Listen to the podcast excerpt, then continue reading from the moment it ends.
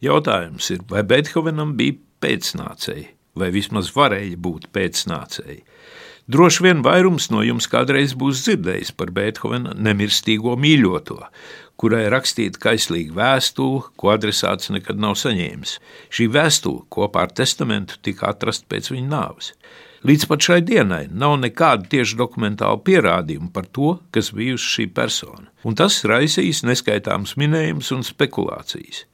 Tomēr ir viens diezgan drošs pieturas punkts, kas var ievērojami sašaurināt minējumu loku, un proti ir izpētīts, ka vēstule rakstīta 1812. gada jūlijā. Ir droši zināms, ka Beethovens šai laikā dažas dienas uzturējās Prāgā, un tur viņam bijis liels emocionāls pārdzīvojums ar kādu dāmu, tā skaitā arī intīms. Jautājums paliek, kas bija šī dāma? Labi zināms, ka Beethovens ir diezgan bieži iemīlējies, gan kā pats kādā vēstulē atzīst, augstākais uz septiņiem mēnešiem. Tiek nosaukts vairākas kandidātas, un it kā katrai no viņām par labu runā kādi nozīmīgi pierādījumi, arī muzikāli. Tā piemēram, Jūlija jeb Džuljeta Gvičārdija, ar kur kādu brīdi viņš nopietni aizrāvies un pat lolojis precību plānus. Jūlijai veltīta tā saucamā mēnesnīcas sonāta. Te gan jāsaka, ka sonāts veltījums ir vairāk nejaušs, jo sākotnēji dāvāto kādu nelielu rondo steidzīgi ievaidzējies kādam labdarim tālāk dāvināšanai, un solītais veltījums automātiski pārcēlies uz nākamo skaņdarbu. Drīz vien Jūlija apprecējās ar kādu grāfu un aizbrauca uz Neapoli. Tomēr veltījums palika, un pētnieku aizdomas arī. Citkārt, sievietes meklējumos, pareizāk gan laikam būtu teikt, sievas meklējumos, palūdzas palīdzību draugam un ar mazliet ironiju piebildes: liec aiz auss, skaistai viņai jābūt, ka neglītu es nevaru mīlēt, citādi man jāmīl sevi pašu. Draugs acīm redzot, lūgumu bija ņēmis jo nopietni un ieved viņu savas sadarinātās mājā, kur Beethovens ar skūbu iemīlējās viņas māsā Terēzā, kas gan tobrīd bija uz pusi jaunāka par viņu. Viņai bija 18. Nepretenciozais, tomēr ārkārtīgi populārais darbiņš Elīzei veltīts Terēzai. Terēzes vārds veltījumā ārkārtīgi neskaidrā rokraksta dēļ kļūdaini izlasīts, vēlāk pārtaps par Elīzi.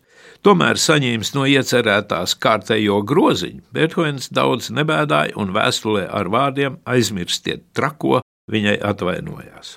Vēl viena pētītāja izvirzītā nemirstīgās mīļotās kandidāte ir Antonija Brentāno.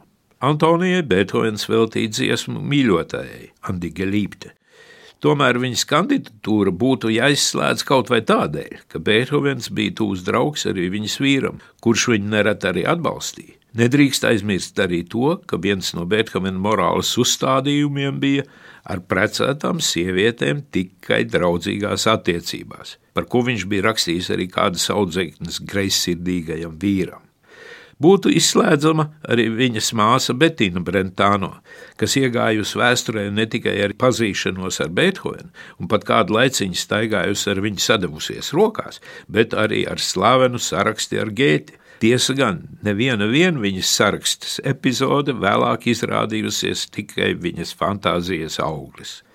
Te nu mēs nonākam pie Josefīnas von Brunsvikas, ar kuru Beethovens tika iepazīstināts 1799. gadā.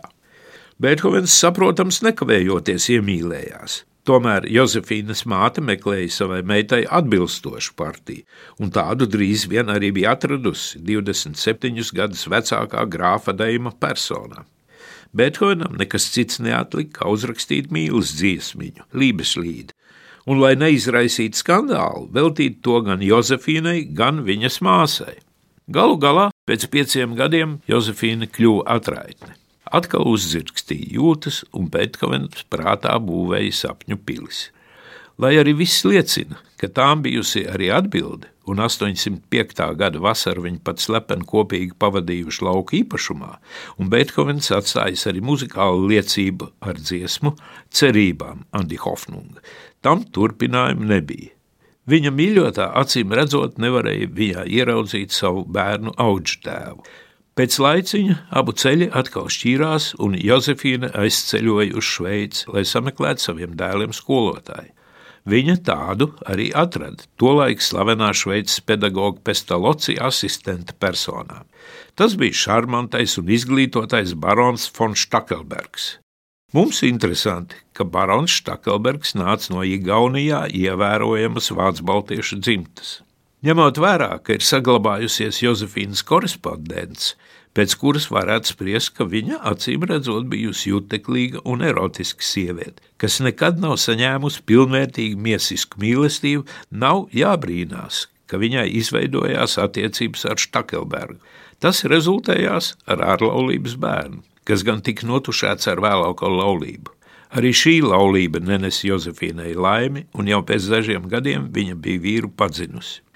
Lai arī nav nekādu dokumentālu pierādījumu, ka Jozefīna būtu atradusies Prāgā 812. gada jūlijā vienlaicīgi ar Beethovenu, tomēr ir neskaitāmi netiešie pierādījumi, ka tas tā varēja būt.